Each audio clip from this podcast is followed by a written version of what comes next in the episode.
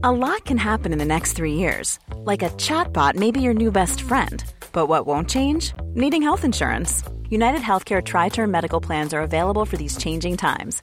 Underwritten by Golden Rule Insurance Company, they offer budget friendly, flexible coverage for people who are in between jobs or missed open enrollment. The plans last nearly three years in some states, with access to a nationwide network of doctors and hospitals. So, for whatever tomorrow brings, United Healthcare Tri Term Medical Plans may be for you. Learn more at uh1.com. It's that time of the year. Your vacation is coming up. You can already hear the beach waves, feel the warm breeze, relax, and think about work. You really, really want it all to work out while you're away. Monday.com gives you and the team that peace of mind. When all work is on one platform and everyone's in sync, things just flow wherever you are. Tap the banner to go to Monday.com.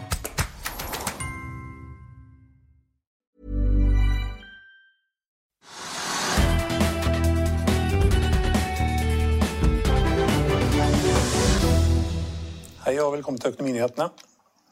Norsk Hydro solgte i dag valseverkene med 5000 ansatte for 1,4 milliarder euro, tilsvarende 14,1 milliarder kroner. Storeier i Bank Norwegian fnyser av budet på banken, og flere meglerhus løfter nå kursmålet på aksjen. Oljeprisen stiger og sender en rekke oljerelaterte aksjer opp på Oslo Børs i dag. Vi har også snakket med forvalter Thomas Nilsen i First-fondene om hans syn på aksjemarkedet fremover, nykommerne og hvilke aksjer han har mest tro på nå. Eh, fondet hans var opp 60% i fjor, men det har ikke starta like bra i år. I Uken oppsummert skal vi snakke om bøndene som har begynt på våronna og frykter at det går til helvete, mens grisene viser seg å være mye smartere enn kanskje også bøndene har trodd. Det blir kanskje også tid til å dele litt ved oppblomstring av covid-19, vaksinering, skjevfordeling, boligprisene og mulige rentehevinger fremover. Vi skal også ha teknisk analyse av Akastor. Vi kan kanskje begynne på Oslo Børs med oljeprisen, Trygve? Ja, er, eh, som du er inne på, så er det en helt vesentlig faktor i dag. Altså, Markedet er opp halvannen prosent. Det er mye på en dag. Oslo Børs svinger jo, men altså halvannen prosent opp det er for hovedindeksen er mye. Og det skyldes jeg vil si, nesten ene alene at oljeprisen har tatt et kjempehopp opp til 68 dollar per fat. Over det òg, 68,5. Eh, og vi har snakket om det flere ganger, at liksom, hva kan skje med oljeprisen? Og vi visste at det var et OPEC-møte. Eh, og det som skjedde da på det OPEC-møtet, det var jo det at uh, Saudi-Arabia de liksom beholdt sine frivillige begrensninger, som var liksom utover den avtalen de hadde med Russland pluss og mange andre land. Så De beholdt eller strammet egentlig til uh, den produksjonen de skal gi. Og så ga man litt sånn konsesjoner til Russland og et par andre land om at de kan produsere bitte litt mer. Men i hovedsak så var inntrykket det at Saudi-Arabia og OPEC-landet holder igjen for å få prisen opp holder igjen produksjonen for å få prisen opp. Og prisen gikk opp også ganske kraftig opp. Og Det medførte at alt som har med olje å gjøre, f.eks. de to oljeselskapene vi snakker mest om, Aker BP var opp 7-8 Det er kjempemye for et så stort selskap. Og Equinor øh, var opp rundt 4 Så bare på de to aksjene så har vi da tunge, store aksjer. Så ser vi det at liksom, markedet reagerer kraftig på at oljeprisene går opp. Og I tillegg så er det alle de andre aksjene som er liksom innen oljeservice, da, PGS, Seismikk eller andre selskaper, de er altså opp 7-8 uh, og, og uh, en aksje som det trades mye i, nemlig Borr, fordi at liksom Trøim og middelfart og alt sånt, det trades en del for moro. og den aksjen har opp da 15 eh, og godt over 10 kroner. fordi at liksom 15% opp det er en god sving, og det kan man trade i. og da, Hvis oljeprisen blir veldig høy, så vil da, tenker man litt fremover, så vil oljeselskapene bruke mer penger på å lete etter olje eller bore olje når de har funnet den. Og det, det, gjør at hele det norske markedet det svinger med oljeprisen. Det er veldig korrelert med oljeprisen. Det vet alle. Og når vi får det utslagene på oljeprisen, og vi får det på oljeserviceselskapene, og vi får det da på et, en, et riggselskap, som Babor er, så da har Oslo Børs et nøtteskall i dag. Det er opp, opp, opp, og alle satser på det samme. Og hvis oljeprisen fortsetter videre, så vil også de saksene gå. Men skulle da vi plutselig få det at, at, at oljeprisen skulle falle, da Men da må jo på en måte OPEC-landet endre strategi igjen. De kan, jo, de kan jo ikke endre strategi hver uke. Så i øyeblikket ser det ut som det er ganske hold i den oljeprisen. Mm. Det var ikke helt venta at de skulle holde produksjonen eh, på samme nivå. Det var liksom, I forkant så var det mye snakk om at eh, de skulle øke produksjonen. Ja, jeg synes også De fleste meldingene jeg så leste, det var det liksom at man skulle øke produksjonen og åpne opp litt. Grann. Eh, og det hadde vært bra for tankmarkedet. De som har aksjer i tankselskaper, ville da fått en glede at man produserer mer og sender mer av gårde til kjøpelandet. Men det, akkurat nå det vil jeg si at når jeg leser meldingene, så er det helt åpenbart at Saudi-Arabia har kjempet for å få en høyere oljepris tar, tar til takke med en lavere produksjon, begrenser seg. Og så er det noen land som er uenig i det. De, de trenger å produsere mer olje for å tjene mer penger. Eh, men eh, de som vil holde igjen for å få prisen opp, elementær tilbud og etterspørsel, de er i øyeblikket i førersetet. Mm. Og det ser ut som det er um, at det er den veien det går. Hvis vi da ser på vinnerlista her, så er det som du er inne på, det er oljerelaterte aksjer som her dominerer. dominerer, dominerer. På taperlista, derimot, det er litt interessant. Ja, det er alle disse nykommerne.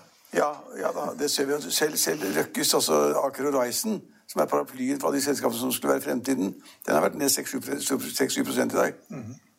Nei, så Det ser ut som at det er nå flyr pengene over i, uh, I olje, skitne I industri og skitne ting, og, og, det som har vært før.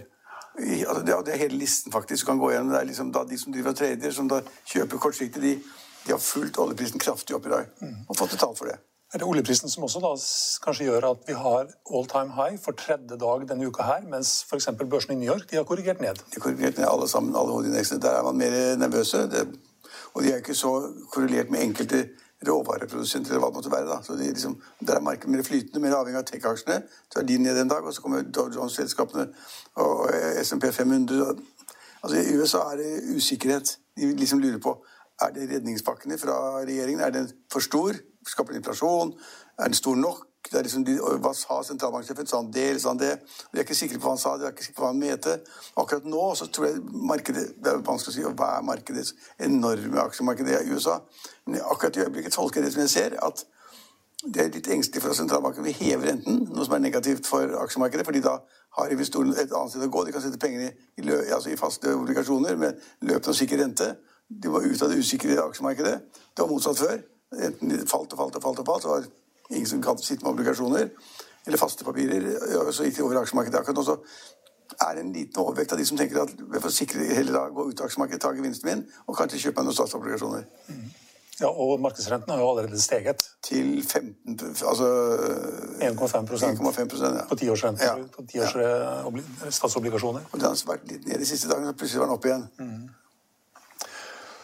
Eh, ellers så, jeg det at um, Du var vel skrevet litt om det i Finansavisen i dag. Arne Fredli han uh, driver og trader litt i flyr. Han, han, det må jeg få lov til, sier han. Ja, altså han er jo god. Så han kommer ikke unna at han er god. Han tjener penger nesten hele tiden. Og så var han da med på denne emisjonen i Flyr. Så solgte han da 700 000 aksjer dagen etter. etter altså, Aksjen var notert på mandag. Solgte han 700 000 på tirsdag.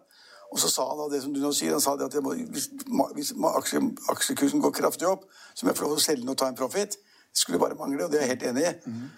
Uh, og så kjøper litt, og så selger litt, sa Frelle. Ja. Men det gjorde han solgte mer, da. Så da, I løpet av de to første dagene har han solgt da, to millioner aksjer. Mm. Og så sitter han med tre millioner aksjer. Uh, og de to millionene har han tjent penger på. Men han er en trader, og han går ut og inn. Nå, nå er han raskere enn spetalen. Ut og inn. Og det er ganske godt gjort, for spetalen har norsk rekord. Går rundt i svingdøra på Grang som jeg pleier å si. Eh, men må, de må selge hvis de har en pen fortjeneste. Det er derfor de er der. Uh, uten at de skal få kritikk. Så ikke, for meg er det ikke noe kritikk. Men jeg bare legger merke til at Fredelig er raskere enn noen inn og ut. Og i dag, i dag faller aksjen 7 Ja, så markedet leser jo det. altså at Fredelig og kanskje også andre, kanskje Spitalen, kanskje andre av disse hjørnesteinsinvestorer, kanskje de også begynner å selge og tar en profit. Fem millioner her, fem millioner der blir fort penger av det. På ny bil eller ny båt eller betale eiendomsskatten eller noe sånt. Så det, de, de, lærdommen er at de proffe gutta de tar, de tar fortjenesten av og til. De tar liksom fra spillebordet, så tar de fortjenesten, og så går de. Vi må snakke litt om Hydro også, som solgte en stor del av virksomheten sin i dag. Ja, jeg, jeg har jo ikke sett med de meldingene som kom, men det var jo interessant. Altså, de, de selger da disse valseverkene sine for aluminium for 14 milliarder kroner, som du sa. og det kom ikke frem da liksom hva Hydro mener at dette er netto verdt, eller noe sånt, men jeg så bare på noen tall som viste at eh, den divisjonen da, valgsevektdivisjonen, som er ganske stor, eh, at den bidro med 1 milliard kroner i driftsresultat eller noe sånt. Men i Hydros kjempevirksomhet er det ingenting. Men de sier da selv at ved å selge det, få noe penger for det, så vil de stå sterkere, at de står sterkere for å tjene penger på andre divisjoner og bli et mer lønnsomt foretak. De har ikke vært særlig lønnsomme. Men kursen er jo opp 2 det er jo nærmer seg 50 kroner. Den er 48 kroner. Uh, sannsynligvis er det riktig å selge. Men de har fått alle i fagbevegelsen, alle ansatte, alle politiske, Senterpartiet, Arbeiderpartiet. Alle skal ha mening om det. Altså, fordi at staten har en ganske solid andel i Hydro. Jeg husker ikke, Er det 20-30 eller sånn nå? Ja, det er vel, Jeg trodde det var litt over 30. Ja, ok, ja. Så det er litt over 30 Og da, da, da når, når, staten har en såpass stor eierandel, så mener da fagforeninger og noen politiske, politiske, partier. At da er det de som bestemmer hva Hydro skal gjøre, ikke styret. Det er bare tull, selvfølgelig. Så styret bestemmer seg for å selge valseverkene, så blir de solgt. Det blir masse styr. Uh, og, og, og tilsynelatende ser det ut som da Hydro har gjort en fornuftig ting og kvittet seg med en stor Men det er faktisk ganske en stor andel av Hydro. Så, så det er masse motstand, det blir ikke lett, og regjeringen får masse styr ut av det. Uh, men hvis de har gjort det for å tjene mer penger og være skal si, lean enn min, som det heter, så er det fornuftig trekk. Se om vi fant uh, aksjonæroversikten her, men uh, det var ikke så enkelt i farten. Nei, jeg tror det er opp rundt, rundt 30 ja. men, det, men, det, blir ikke et statsselskap som da på en måte Senterpartiet og Arbeiderpartiet kan styre av den grunn. Tvert imot. Aker Solution, uh, også aksjene som stiger, er bl.a. pga. oljeprisen. Men de har også fått, til, ja, de har fått tilkjent 690 kroner i en erstatning fra et selskap i Tyskland. Flott. Jeg kjenner ikke den dealen, men jeg vet jo det, jeg, jeg regner det Aker Solution delvis til liksom, Røkkes vern. Og at når oljeprisen går bra, så går den også. Og, og, og, er oljeprisen litt svak, så synker Aker, Aker Solution med en gang. 34 var det. Pluss uh, Folketrygdfondets 7, så de er oppe i 42 da. Ja, men så får du ikke lov å regne. som legger sammen Folketrygdfondet, som egentlig skal stå fritt til å kjøpe og selge hele tiden, ikke sant? Som, som ikke har det med statens posisjon å gjøre, så blir det feil. Så, men det er helt sant. Staten er mye større enn jeg tenker på, fordi at staten er direkte da rundt 30 og så har det Folketrygdfondet Men de snakker ikke engang sammen, sier de. Så Folketrygdfondet er ikke en forvalter, en forvalter av statens interesser. Folketrygdfondet er forvalter av våre pensjoner. Jeg hadde egentlig tenkt å begynne med å gratulere med dagen, men det gjorde vi for så vidt forrige fredag. Blitt på forskudd. Ja, vi lå på forskudd vi to dager for, for det Kapital da feiret 50 år. Og det er i dag? I dag, på dagen i dag. 5. mars 71. Da kom første nummer. Skal vi se noe morsomt der? Det må du gjøre. Det, nei, men det var første nummer, og jeg jobbet ved Sporveien, så jeg, jeg, vi hadde ikke kontor Alle har hørt den historien. Vi hadde ikke kontor, ikke telefoner, ingen ansatte, så det var, det var et skudd i mørket. Men i det første nummeret Eh, så skriver jeg en leder da, for 50 år siden at eh, daværende statsminister eh, Per Borten fra Senterpartiet burde gå av fordi han hadde involvert seg i noen sånne lekkasjer fra forhandlingene med fellesmarkedet. Norges mulig deltakelse der. Det blir aldri nå, selvfølgelig. Og da skrev jeg en kommentar Per Borten må bare gå av. Han gikk av to dager før bladet kom. det var hårfint fra å være kanonsuksess at han hadde gått av samme dag som vi kom ut. Men han, han, gikk av to dager før. Men da var det i trykken. Hadde det vært i dag, så hadde han ligget på internett som en plussak. Ja, akkurat. Det hadde vi vært med hele tiden. Men det var ikke så, var ikke så lett den gangen. Da. Da, var, da var, det papir og bly og greier og ikke noe internett. Og det var lenge siden. Sånn. Men, det er, det er, men vi har markert det litt på huset. Det er, det er litt hyggelig å markere da, at man kommer med et blad mm. som lever i 50 år. da. Jeg syns det er eh, altså jeg, jeg, jeg synes det er morsomt. Altså, altså, jeg hadde ikke drømt om den gangen at, man, at, det, at, det, skulle være så morsomt i pressen. For det første, media og presse generelt. Og at det skulle bli så tøff konkurranse og gjøre, gjøre, at det skulle bli så gøy. Så for meg var det den gangen et forsøk på å lage noe, noe nytt og komme med en litt annen vinkling på næringslivsnyhetene. Det var litt av det den gangen. Men det har vart i 50 år. Det er feiret med kake og champagne i dag. Mm. Bank Norwegian har har ikke, vært med riktig så lenge, men um, storeierne de fnyser av det budet som uh, Bank kom med. Ja, det der er en ganske komplisert sak, for uh, altså, det er åpenbart en bra bank. Tjener penger. Uh, men uh, det budet fra de svenskene, det var jo på 95 kroner. Og de har åpenbart vært i, forhandlinger eller kontakt med styret lenge før med kanskje lavere kurser eller andre, beti andre betingelser, andre måter å gjøre opp for seg på. Og så mener de storeierne, som du sier, så mener de at den, altså hver, eller banken eller hver aksje er mye mer verdt enn de 500 kronene. Og Derfor har kursen vært oppe på 105. Mm. Jeg følger ikke så med, med 105 kroner. Og det, det, betyr at markedet sier at det der 500 får dere ikke. At eh, styret eller da tilbydere må sammen bli gjennom en høyere kurs, slik at de da som nå kjøper aksjen for 105, de skal tjene penger, de også. Det er ikke gavepakker. Og de som selger på 105, de syns det er jævlig smarte for at de som har solgt på 95. Så det er en sånn trikkesituasjon. Men akkurat nå så ser det ut som det ikke blir noe av. Men det er, det er, det er to uh, store aksjonærer som har 16 og, 16 og 6% fra før, som er store allerede. Så de bare venter på hva de skal gjøre. Jeg vet ikke hvordan det ender. Det gikk ikke så bra da svenskene skulle overta Entra. Nei, det... det... var tre selskaper som fighta om det. Ja. Og nå er det liksom to svenske selskaper som skal fighte om dette. her, og syns det er perfekt å slå sammen da bank, altså Bank Norwegian. Eh, så om de får til, aner jeg ikke, men kursen er over da tilbudsprisen. Så da er liksom, hva skjer da? Ja, Det er litt morsomt i dag òg at nå har de store meglerhusene vært ute og jekka opp kursmålet på eh, Bank Norwegian. I Nordea så sier de at aksjen nå er verdt 120 kroner mot tidligere 94. Danske Bank sier 115 mot tidligere 93. Kepler sier 105 mot tidligere 87, og mener at det er en mer rettferdig pris. Rettferdig pris. Pareto sier 110 mot Men jeg tidligere har noen sagt 200 også. Du har sagt 200, ja. Nei, men det er jo ikke så det, så det er som du sier nå. Det, de, alle disse her sier at det er rundt 105 kroner eller sånn Da. Om, om, da investor Torstein Tvinge og de store gutta gidder selge på den kursen, det remains to be seen, som man sier. Men eh, de må jo ut av aksjen, de også. Hvis de har vært, hvis de vært aksjonær i mange år og sitter der med penger som er bundet fast i det, så er det på en måte En gang må de jo ut. Du kan, ta, du kan ta en liten titt på grafen her, så se hvordan den aksjen har gått i det siste. Den var jo gjennom en fryktelig nedtur da under koronakrakket. Da steg, nei, falt den fra i overkant til 100 Den falt den uhyggelig mye. Da, over. til 33. Ja. Og så er den da opp igjen nå til over 100 igjen. ja. Hvis, du ser, på- chartet, så ser det ut som en god kurs å selge på. hvis det ikke liksom kommer sånne drømmeforventninger om at den skal gå da fra, fra 105 kroner til 200 eller sånn, og det sånn, er, altså, sånn er ikke verden. Den har vært oppe i 110 da i um, sommeren 2019.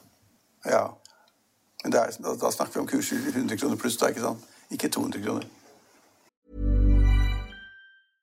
Hey, I'm Ryan Reynolds. At Mint Mobile, we like to do the opposite of what Big Wireless does. They charge you a lot, we charge you a little. So naturally, when they announced they'd be raising their prices due to inflation, we decided to deflate our prices due to not hating you. That's right. We're cutting the price of Mint Unlimited from $30 a month to just $15 a month. Give it a try at mintmobile.com slash switch. $45 upfront for three months plus taxes and fees. Promo rate for new customers for limited time. Unlimited more than 40 gigabytes per month. Slows. Full terms at mintmobile.com. I'll see you in court. Vi sier det ofte litt på spøk, men for deg som driver business, er det aldri moro å innse at du ikke har laget en 100% gyldig kontrakt. Du bør ikke risikere hele firmaet ditt fordi du synes dette med kontrakter er litt stress. En avtale er ikke en avtale. Du kan miste kunder, miste venner, ja, til og med miste inntekter om du ikke lager en skikkelig kontrakt, på alt mulig, egentlig. Men vi vet det er et styr. Kopimaskiner, tregprinter og haugevis av papir. Dessuten stoler vi jo på folk her i landet. Det er ofte litt kleint å skulle be om en signatur for alt mulig, ja, for mye av styret handler også om jakten på underskriften.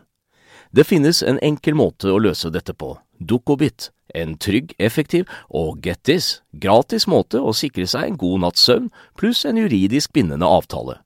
Dukkobit-appen har de strengeste sikkerhetskrav i bunn, samt en EU-godkjent og sertifisert teknologi. Framover vil det bli behagelig å spørre du, skal vi skrive under på det, eller? Kom i gang på dukkobit.no. Vi beveger oss over til uh, uken oppsummert, og da tenkte jeg at vi kunne snakke litt om bøndene som er nå på vei inn i våronna, og de tror at alt går til helvete. Ja, ja, altså er- ja, nå er jeg litt, spesielt interessert i landbruket. da. Jeg syns det er så utrolig dårlig liksom det som tall og det er så liten forståelse av hva som foregår. Så nå, nå så jeg en kjempeartikkel i Nasjonen som nesten ikke var til å tro. Altså det var da, Noen av de forskere hadde funnet ut at uh, grisene var veldig gode i enkle dataspill. Ok, dataspill og griser. Hvordan har de sjekka det? ja. Jo, det har jo det er, det er sånn joystick, vet du. Hvis de så et bilde, så kan grisen gjøre sånn med joysticken. Eller et, det er bare sur. men altså, Nasjonen tror på hva som helst. altså Leserne av Nasjonen de tror på hva som helst. Men, eh, og det var en svær artikkel, to sider. Så enkle, enkle spill, det var det grisene hadde vist at det kunne gjøre. Og den, en av grisene som var med, het Omelett. Den ble spist ganske raskt. Men det jeg da skrev, som var litt, litt fleipete, det var da det at hvis det virkelig finnes sånne griser som kan, som kan være på enkle spill og rettlede bøndene, så burde de bruke det nå. For at nå er det jo slik at, som du sier, nå er det våronna snart, og mye skjer. Øh, Og bøndene er fortvilt. Og det er en, en, en, en av de større bøndene i jordbær som sier at han, det går rett til helvete her. Og vi gidder ikke mer. Og han hadde tolv andre bønder som var enige med han. De ville bare gi opp og kutte ut hele jordbærproduksjonen. Fordi de får ikke noe billig arbeidskraft til å liksom gå i plante ut eller så eller hva de gjør. Eh, og da hvis de ikke får det, hjelp til det, så vil de ikke drive det, bare legge det istedenfor. Det er jo interessant, for poenget er at det er jo altså, La oss si veldig grovt, skal jeg ikke ta det lange, lange greiene. Men bøndene trenger ca. 20 000 arbeidstagere til å hjelpe seg. Vietnamesere, filippinere, nordmenn, pols, polakker osv. Hvert år. Ingen tvil om det. De innrømmer det gjerne. Jeg trodde det var 30 000, men der, er, la oss si det er mellom 20 og 30 000. De må de ha. for å så og for å høste inn salatbladet om høsten. Epler, hva det måtte være. Men samtidig som de sier at det er helt umulig å få tak i arbeidskraft, og de griner og greier og går til, til, til arbeidsministeren og sier hva er det du driver med, skaff oss arbeidskraft, for vi klarer ikke selv, så vet vi at det er 200 000 mennesker i Norge som er helt ledige, delvis ledige eller går på tiltak. 200 000. Og da for å få da 20 000 av de 200 000 til å begynne å jobbe i, hos bøndene, så er det bare én ting som hjelper. Det er prisen. Lønnen. Hvis vi hever lønnen høyt nok, så vil da selvfølgelig noen Det er ikke så veldig mange som reiser fra Oslo, hvor vi sitter, til Vestlandet og sløyer torsk, kveite altså det, det, tror jeg ikke noe på. Det, det, det, tror jeg faktisk ikke. Det skal ganske mye til. Men utover landet er det fremdeles veldig mange arbeidsløse som med kort arbeidsvei ville selvfølgelig ta en god jobb hvis de fikk betalt for det. Men poenget her, det poenget er noe som er bare helt håpløst. At det beløpet Nav gir alle de arbeidsløse i betaling, det er mer enn det bøndene betaler. Mm. Så hvorfor skal du stå med rumpa i været i en, en jordbærøk i, månedsvis og få dårlig rygg og skader og greier og bo elendig og alt er elendig? Hvis du får mer penger på Nav Du kan ligge på sofaen? ja, ikke gjør noe. Det er jo helt opp... Altså, skal man snakke om? Det er bare så helt sinnssykt. Så det, hvis de da fikk hjelp av disse grisene, og de grisene som var så gode på data, så kunne de si at det var økt lønn fra 123 kroner per time til 223 kroner per time, så hadde de fått nok folk med en gang. Men istedenfor så står jeg og sipper og griner i nasjonen over at vi gidder ikke mer, for det går til helvete. Men grisen har løsningen, og jeg hjelper dem litt. Kanskje en del av løsningen er å gi dem litt mer eh, landbruksstøtte òg? Ja, ja, men det har de så masse. Altså, det tør jeg ikke be om. De, de har jo 300 000-400 000 per bonde. Ja. Ja, ja, og så er det 49 000 bønder. Men, men det at, de, at de liksom da, i Norge i 2021 skal sitte og tulle med det At det er helt umulig å få arbeidsfolk her. Nei, du får arbeidsfolk hvis du betaler prisen, men de vil ikke betale prisen. Og da sier de sannsynligvis, da sier de sannsynligvis at hvis vi hadde fulgt Hegnars råd, eller, eller, de bøndene som spiller spill, dataspill, eh, så ville vi ikke få solgt jordbæra. Da måtte prisen gå opp til 200 kroner kurven. Da ble den norske jordbæra for dyr? Da ble for dyr. I forhold til den belgiske? Ja, det er det de sier sannsynligvis. Mm. Men det er ganske interessant, for at alle disse parametrene de kjenner vi jo nå. Så de kan ikke løpe fra fakta. Så, så mitt ønske da for helgen var jo da det at, at denne, disse datainteresserte grisene som de har forsket på, funnet ut at de er så gode at de burde bruke de litt i spillet sitt om priser og produksjon og staten og sånn, istedenfor å bare kjefte på arbeidsministeren og si at nå går det til helvete, vi gir opp. God helg, sier jeg bare til bøndene. God helg. Det er kanskje ikke så enkelt heller å importere alle disse her eh, fremmedarbeiderne i sommer? Ja, men Det er det som er problemet. Så, altså, Covid og økt smitte og Arbeidsministeren har sagt at det blir vanskelig få arbeidskraft til norske bønder i år, selv om vi skjønner at de trenger det for å plante og for å høste. Og det er pga. karantene og greier, så det er vanskelig i år. Men når det er vanskeligere pga. karantene og pga. Øh, og koronapandemien under kontroll, og det er det jo. Alle skjønner det. Bør ikke være fagmann for å skjønne det. Da må de finne på noe annet, da. Sett opp lønna, da? Da må de sette opp lønna. Ja. Det er ikke noen annen utvei. Bare, altså, og, det, de må over det de får å ligge på sofaen og få penger fra Nav. Langt over den. Hvis de gjør det, så kan de kanskje få folk, og kanskje da så litt bedre og høste bedre. Hvis ikke det, så tar, må de ha 200 kroner for hver jordbærkurv, og da sitter vi her to. Da kjøper vi belgiske eller noen andre for, til en tredjedel av prisen. Mm. Da får de kanskje ikke solgt salatbladene sine eller tomatene? Nei, nei. Eller... nei, men da må de bare gjøre noe. Mm. Kan ikke bare sitte og grine og si at jeg gir opp, jeg går til helvete her. og dette, dette, er altså alvor. Altså. Det er ikke tull. Det er ikke, så, det er ikke noe sånn tullegreier. Det er alvor. Raymond Johansen også har grenet seg til en uh, litt bedre fordeling av vaksinene. Ja, det syns jeg er kompliserte greier, men uh, men det, det var ikke den store skjevfordelinga vi snakket om? Nei, det har ikke vært noe særlig inntil nå. Det har vært nesten ingenting. Mm. Men altså, vi, vi, som, vi har kontoret på Ullern i Oslo vest, og der, der er det ikke smitte i det hele tatt. Så vi får jo ikke noen ting. Jeg sitter og venter på folk. Du har ikke fått noe? Jeg har ikke fått noe. Du, trodde du skulle bli vaksinert innen utgangen av februar? Ja, jeg trodde i løpet av noen uker ut i mars, men nå ser det vanskelig ut. Men så kommer det melding meg forleden som jeg ikke skjønte noe av, at AstraZeneca skulle levere 600 000 doser ekstra til Norge i løpet av mars. Da er vi snart alle vaksinert, da. Og hvis man da får alle de ekstra dosene som kommer fra Sputnik og Moderna og alle de andre, så er hele norske befolkningen de er da vaksinert før juni. Hvis man liksom får alle disse dosene man nå snakker om. For nå er det så, men nå er det så mange som produserer disse, denne vaksinen at nå er de nødt til å begynne å gi litt ekstra, forhandle litt og få det ut. Og får Norge 600 000 doser, jeg skjønner ikke at det er mulig, men ekstra i mars, så er alle vi som er i risikogruppen, vi er da vaksinert. Og jeg er, jeg er et eller annet sted på den lista. Og folk som er uh, yngre enn meg, har faktisk allerede, er allerede blitt vaksinert. Mm. Det Hvordan de har fått det, vet jeg ikke. Så uh, ja uh, Jeg er litt for skjevfordelt, for jeg vil at de som skal ta, ta de som er utstøtte, altså helsevesenet, de som er ansatt i helsevesenet, og de som er litt eldre, de bør bli tatt først. Og da må man ha nok doser å gjøre det, og så får du ta alle de andre etterpå. Så du kommer litt etterpå. 555 000 doser som er satt hittil, det høres ikke veldig mye ut. Det er ikke mye. Det er, 340-50 som har fått uh, to. Ja, men det blir jo liksom Hva er det 1-2 av befolkningen? Det er lite. Det er lite. Vi er like jeg syns det går, synes det går seint. seint Hvis du kritiserer eh, helseministeren eller da Folkehelseinstituttet, så sier de at vi er klare overalt, men vi får bare ikke disse medisinene. Og vi har da på en måte bundet, bundet oss litt i masten sammen med EU, og det tror jeg er riktig. Men det er, og nå kom det meldinger om at Sputnik, altså som de begynte i august i fjor, at den vaksinen den har en, altså det er 91 sikkerhet. Det er ganske mye, da. Og den ble godkjent i Russland 11. august i fjor.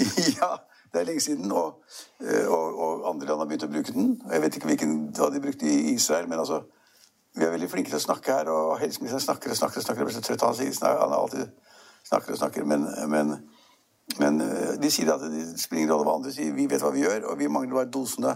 Da får de skaffe seg de der dosene, da. Jeg venter. Jeg, jeg, over, jeg skal gjerne med dere her i studio. Jeg regner med å få min vaksine i mars. Hvis jeg ikke får det, så skal jeg lage noe jævlig bråk. da, da, også, da, må du gjerne skjevdele litt. Jeg er litt for skjevdeling. Altså, hvis det er veldig mye mer smitte i Oslo, og noen bydeler er veldig veldig utsatt, så ville det vel ikke være så veldig rart om de fikk noen av dosene før de kommunene som ikke har noen smitte. Altså null smitte. Ikke, så kan man alltid si at ja, men de har null nå, men det kan være mer i morgen. For noen har vært på en bar eller på besøk i Oslo, eller de har vært idrettslag som går og surrer sammen, eller, eller innvandrergrupper som bor dårlig og bor tett og har bryllup med 100 mennesker oppå hverandre. Det, alt er mulig. Men hittil så finnes det mange kommuner som ikke har noen smitte. Og at de da på en måte allokerer via Folkehelseinstituttet noe til de områdene mye smitte, det syns jeg faktisk er sunn fornuft. Mm. Tror du det ville vært Et av de få tilfellene jeg er enig med Raymond Johansen. Han mm. sier så mye rart, men akkurat der er jeg enig med han. Mm. Tror du det ville være helt umulig for Norge å få tak i doser andre steder? Nei. Eller må du gå gjennom EU? Ja, de har sagt de skal gjøre det. Slik at hele tiden EU forhandler om leveringer, EU forhandler om pris. Og så er det da et organ innen EU som da fordeler på alle landene, helt prorata sånn riktig som skal være. Og når de får nye doser, så går de ut på riktig måte. Det bør selvfølgelig Norge stort sett følge, men hvis vi, vi altså, kom veldig akterutseilt pga. det, så bør da på en måte Norge gjøre noe annet. Men, altså, det, er kanskje for seint. Men du vet han Høie skulle han begynne å forhandle med utlandet og greier. og Han vil hele tiden si at vi må bare følge de reglene vi blir enige om, og så gjøre det samme. vil han si hele tiden. Uh, så jeg har ikke noe tro på at Norge gjør det, men de burde kanskje gjøre det. De burde si det at kan noen skaffe oss en million doser av AstraZeneca eller Moderna eller Johnson Johnson eller direkte, ja. direkte så bør de gjøre det. Jeg syns vi bør gjøre det. Men sånn som Norge normalt sier, at alt skal skje i regi av EU, alt skal skje i regi av FN Vi gjør ingenting på egen hånd. Vi er de mest samarbeidsvillige partnerne i verden. Da blir det ikke noe. Kryss fingrene for meg. Jeg skal ha denne skademars. Eh, vi kunne snakka litt om boligprisen, men det tror jeg vi var ferdig med tidligere i uka. Er... Jeg skrev om til Finansavisen i morgen. Ja. ja. Da kan vi lese mer om det der. Rentehevinger. Nå ser vi at det er flere nå som tror at det kommer to rentehevinger allerede i år. Ja, de har også skrevet om i morgen. det, det, er mye rart, så det henger litt sammen med boligprisen, da. Det er samme, litt samme tema. Eh, hvis ikke Telia svikter oss igjen snart, så kan vi kanskje snakke litt om det. Telia har hatt skikkelig store problemer i dag, og det har vi for så vidt også hatt litt av. Ja, Det hørte jeg da tidlig, det har jeg ikke noe greie på. Jeg hørte bare at Steinar Grini, vår medredaktør, han var så forbanna på det Telia at de visste ikke hva han skulle gjøre. Det er din, din, din syns han til meg. vet du. Jeg har aldri hatt noe med Telia å gjøre, men det er vel kanskje fordi at vi gikk fra Telenor til Telia. Eller er det motsatt? Jo, det er riktig. Vi hadde Telenor tidligere. Ja, så gikk vi til Telia. Men det er ikke mitt, altså, Hvis systemet bryter sammen, så vil ikke jeg kjeften for det. Men nå, nå, har vi løse nå, da? Ja, faktisk, ja det, det løste seg litt ut på morgenkvisten. Våre skjermer sto med svære røde bokstaver. Vi har problemer. Mm. Ja, Vi hadde litt problemer. jeg hadde det. Hvem løste det? Ja, Det var, det var jo Telia som løste det. Telia som løste Selv uten, det er ikke mulig å få tak i noen der. Hvis du Nei. ringer til liksom, kundeservice eller noe sånt. det er, Man skjønner jo det at kanskje... Hva er det som er gærent med Telia? Hvorfor er det stadig vekk et problem det? Ja, det, er, det er faktisk et godt spørsmål. Hva er det som er gærent? Fordi det er ikke mulig å få tak i noen der.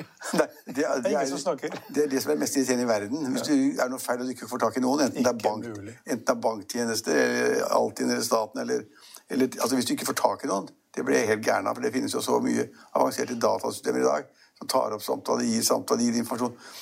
Altså, det er så mye elendige systemer. Du kan bli sittende i køer i timevis i Norge, for, for folk har dårlige systemer. Og Tel, Telia burde skjerpe seg, altså. Iallfall var det Steinar Grini sa til meg tidligere. Ja, og vi hadde et tilsvarende problem for uh, noen uker siden. For noen uker siden, akkurat. Da var vi nede i tre kvarter. Eller liksom av nett i tre kvarter. Men nå var det jo flere timer. Men det er ille når du driver en nyhetstjeneste, hvor det liksom går fra sekund til sekund, og, viktig å se, og så er det et eller annet som skjer. Jeg er ikke noe Telia-fan i dag, det er jeg helt enig i. Men hvor, hva, hva, vi skal gjøre med det, vet jeg ikke. Det overlater til deg, Stein Ove. Nei, til Steinar. Og Roger. Ja, vi må finne en uh, nødløsning sammen med Telenor, tenker jeg. ja, ja, ok. Tilbake til Telenor, ja. Hva sier Roger til det? Om om ikke annet, i hvert fall så en, en, nødløsning sammen med dem. Var det ikke Roger som sa det? Det var IT-sjef som sa det, at det var så mye billigere på Telia enn sånn, eller, eller ville han ikke gå fra Telenor? det var mye billigere, visstnok. Ja. Det var kanskje det som var grunnen. Da. Ja, ja. Billigere og dårligere. Uff, ja. Billigere og dårligere. Bruk Telia billigere og dårligere. Altså, Vi som driver i media, vi, vi må ha perfekte systemer. Kan ikke drive med sånn Norges største utfordrer. ja. I Finansavisen i morgen så kan du lese om vin, mote, makro og skatt. Innsitterporteføljen får du selvfølgelig, og Motormagasinet. Du kan også lese Trygve Egners leder, som han da har annonsert. Det blir da bl.a. om boligprisene og renten fremover. Du kan også lese om en ny vinnerbransje i Sverige, mens Norge synes å være sjanseløs på det området. Og om nordmannen i Barcelona som lover supervekst og tror Play Magnus skal bli noe stort. Det var det vi hadde for i dag, men vi er tilbake igjen på mandag. Følg med oss igjen da.